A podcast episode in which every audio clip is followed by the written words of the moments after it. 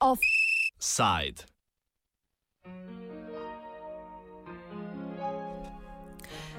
Kvantni delci RTV-ja.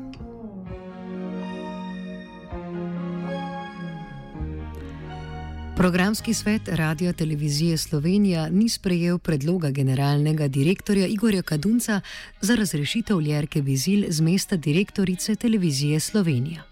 Na seji programskega sveta je bilo prisotnih 24 od skupno 29 svetnikov.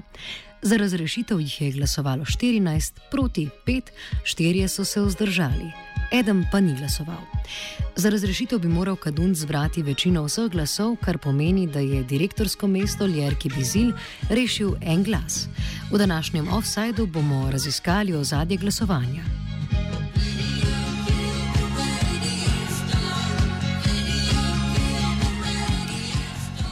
Kadunci je razrešitev predlagal iz dveh razlogov. Prvi in hkrati tisti, ki je izval več razprave, je bil prispevek o hrvaškem nacionalističnem pevcu Marku Peroviču Thompsonu, ki ga je pripravil zdaj že bivši urednik tednika Igor Pirkovič. Kršitev novinarskih standardov v dotičnem prispevku je ugotovila tudi varohinja pravic gledalcev in poslušalcev Ilinka Todorovski. Mira Zupanič, ki je po včerajšnji seji odstopil kot predsednik programskega sveta, opozori, da je programski svet z 20 glasovi za naročil generalnemu direktorju direktorju, da ukrepa in zagotovi programske standarde. Programski svet je v zvezi z prispevkom gospoda um, Pirkoviča ugotovil kršitev programskih standardov. Uh, in je direktorju naložil, da reagira skladno z statutom, se pravi, da zagotovi, da se te kršitve ne bodo ponavljale. In od tu naprej je stekel nek postopek, ki ga pa potem generalni direktor ni mogel speljati, zato ker ni dobil pozitivnega mnenja oziroma soglasja direktorice televizije. In se pravi, nikoli ni šlo, vse kar se programskega sveta tiče, za to, da bi se kogarkoli odstavljalo, ampak zato, da se spoštujejo programski standardi. In uh, žal se je cela zgodba zavrtela tako, da se je začela debata o odstavljanju, zato ker ne gospa Jadranka Rebernik kot odgovorna urednica, ne direktorica televizije Lerka Bizil ni zagotovila spoštovanje programskih standardov, ampak sta nasprotno, se pravi v tem primeru celo gospa Biziljeva, zastavila svojo funkcijo za to, da se pravzaprav ohrani status quo. In to je tista bistvena stvar, da če, ko programski svet ni zmožen zavarovati programskih standardov, potem se postavi vprašanje, kaj je potem naša dejanska pristojnost oziroma naša dejanska moč uh, in kak smisel ima potem v takem programskem svetu naprej delovati. Drugi razlog za razrešitev Ljerke Bizil so bile kršitve delovne zakonodaje vse od njenega nastopa na funkcijo leta 2014. Bizil naj bi zaposlovala honorarne sodelavce, ki so v resnici izkazovali znake delovnega razmerja. Mitjo Rotovnika, člana programskega sveta, je zmotilo to, da se je vsa stvar neprincipijelno zožila na primer Thompsona, na primer intervjuja z njim. Direktor pa je odprl, kot sem rekel, izjemno široko fronto napak, ki jih očita eh, direktorici in zaradi katerih eh, predlaga začetek postopka. Vse se je vrtelo okoli tega Thompsona nesrečnega eh, in eh, vsi so to ocenjevali kot eh, premočan ukrep, prezrli so pa seveda sedem strani, sedem strani eh, ugotovitev, ki jih je zelo natančno povedal, zgodovinsko povzel in ki seveda eh, mnogo bolj razširjajo to fronto. Ampak tistim, ki so nasprotovali, se ni zdelo vredno obravnavati recimo drugega dela ki je za mene celo bolj pomemben kot prvi del te eh, programske, programski zvrsti, ki so se dogajali eh, direktorici. Ta drugi del, ko gre za organiziranje in vodenje, je dobesedno grozljiv. A veste, eh, direktorica je od začetka svojega mandata eh, leta 2014 dopustila najmanj 50 novih honorarnih sodelavcev televizije in pri teh 50 jih je 27 bilo takih, da so v vsem tem času začeli izkazovati elemente delovnega razmerja.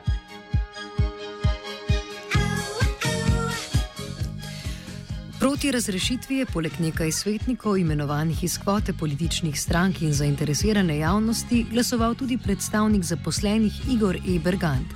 Slednji trdi, da ga nobeden od naštetih argumentov ni prepričal. Prvi zato, ker no, to ni bil uh, edini razlog, ki je bil naveden. Pač bila je ta uh, programska napaka, ki je, ki je bila nesporna in nedvomna. Poleg tega so bili pa še eni očitki o tem, da naj bi kršila delovno pravno zakonodajo za podpisovanje nekih pogodb po sodelovanju oziroma uh, zaradi tega, ker nekih pogodb naj ne bi podpisala. Uh, Zdaj, jaz bi rekel, da sta oba razloga predvsej na trhlih nogah in v bistvu ponujata nek precedens, ki se mi zdi, da je pa zelo nevaren, tudi če stvari gledamo z nekega drugega zornega kota. Mislim, da zaradi tega zahtevati razrešitev direktorce se meni zdi zelo sporno in zelo spolsko in kot rečeno, kar vabi k nekim tudi političnim zlorabam v prihodnosti. Eh, druga stvar, to, kar sem pa omenil, pa je, da pač ta kršitev delovno-pravne zakonodaje, zdaj treba je povedati, da uh, je sklepanje teh pogodb uh, bilo v pristojnosti oziroma pod nadzorom prejšnjega generalnega direktorja oziroma njegovih pomočnikov.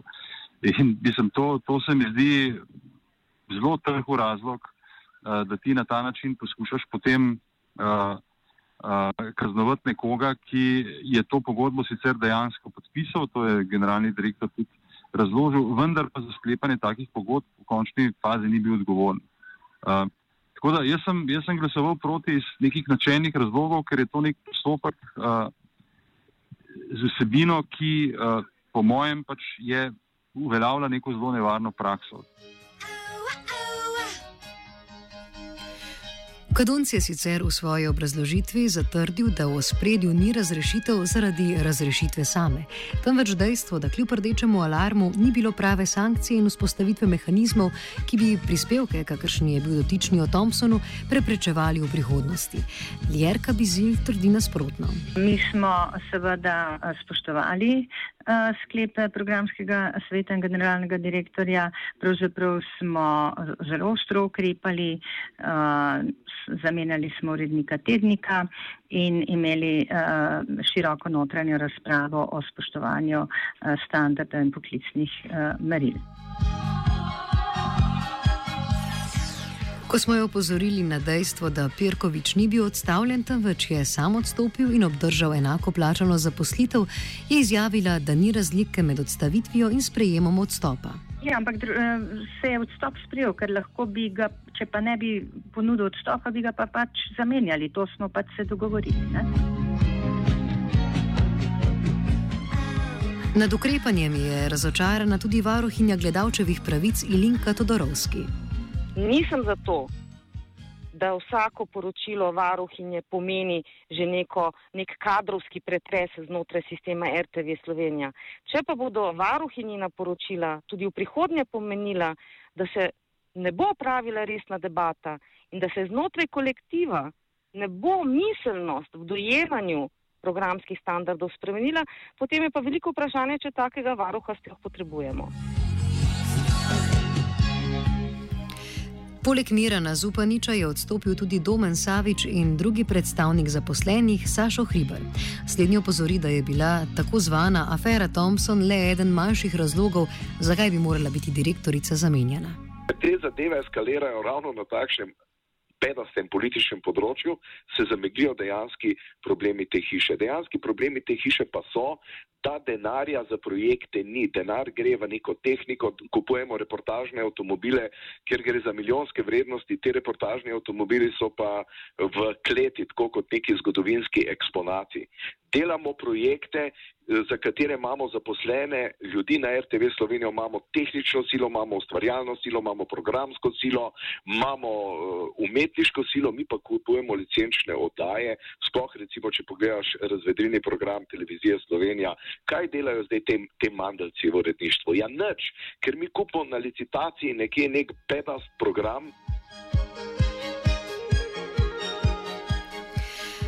V nekoliko bolj abstraktnem besednjaku nas spomni tudi na finančne nepravilnosti pri produciranju zabavne oddaje Ne se hecati. Zadeva je zelo preprosta, kako se denar pere. Ne? Da vam razložim, kako pol kasneje prihaja do nekih političnih ekscesov, ki so popolnoma nepotrebni. Ti narediš projekt A, ki stane 500, 600, 700 x evrov, bova rekla. Projekt A.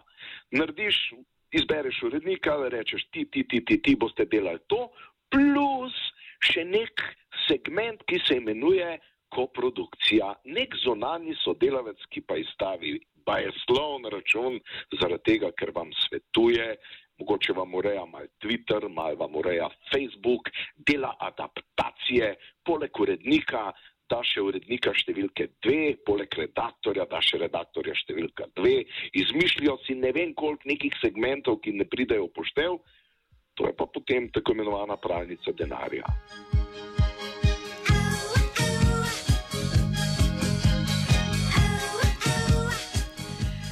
Vzdržani in tisti, ki so glasovali proti, se na splošne nepravilnosti niso ozirali. To je zmotilo generalnega direktorja Kadunca. Kdor misli, da uh, je delo televizije v tem času bilo tudi sicer v redu, bi lahko to upošteval ob tem uh, konkretnem primeru. Kdor misli, da ni bilo vse v redu, bi lahko to upošteval ravno tako ob tem konkretnem primeru. To je čisto stvar percepcije. Uh, kar se pa samega dejanja tiče, pa tle pa vidim, da sem res zelo usamljen, da uh, se brez resnih posledic v programu javne radio televizije uh, mirno relativizira, oziroma to je prijazen pozdrav, plemenit pozdrav, je rekel gospod Thompson. Uh, v resnici gre pa vendarle za, za pozvik, klik, ki je na Hrvaškem sankcioniran po zakonu in v Evropi, če hočete. Dokazano. To so ta primerjave, mislim, tisto, kar je bilo za tem nogometašem Šimličem. Meni to zadošča. Zdaj pa seveda zaradi tega ni treba, da bi letela ali pa da bi začel postopek odstavitve direktorce televizije. Ne, če ona izpelje ukrepe, ki ne zagotavljajo, da se to ne bo naslednjič zgodilo, je ona se odločila za to, da bo pokrila tako dejanje. Nekateri so dogajanje na RTV-ju razlagali tudi skozi prizmo dnevne parlamentarne politike. Jerka Bizil naj bi bila omiljena direktorica desnice, Kadunc pa dela prostor za tranzicijsko leve sile kontinuitete. Z metaforo iz znanstvenega diskurza današnji offside zaključuje Hribar. Ma kakšna politična odstavitev, kakšna politična pripadnost Jerke. Jerke je kot kvantni delec, hkrati se nahaja na levem in desnem polu. Vsa ta televizija, vse, kar se dogaja v tej instituciji, je samo deli in vladaj. Gre za plenjenje finančnih sredstev plačnikov RTV naročnine. Najprej se stvari razdelijo med playerje, ne v programskem svetu, ne v tistih produkcijskih enotah, ki imajo moč odločanja, ni nobene ideologije. Dajte si enkrat poslušalci to zapomniti. Nobene ideologije. Prestopa se lahko tako hitro, da vi tega sploh zaznati ne boste. Ti ljudje so na dveh mestih hkrati, samo žep je en sam. Zavezano vrlo okrog Kadunčevih rok je opazoval Zupan.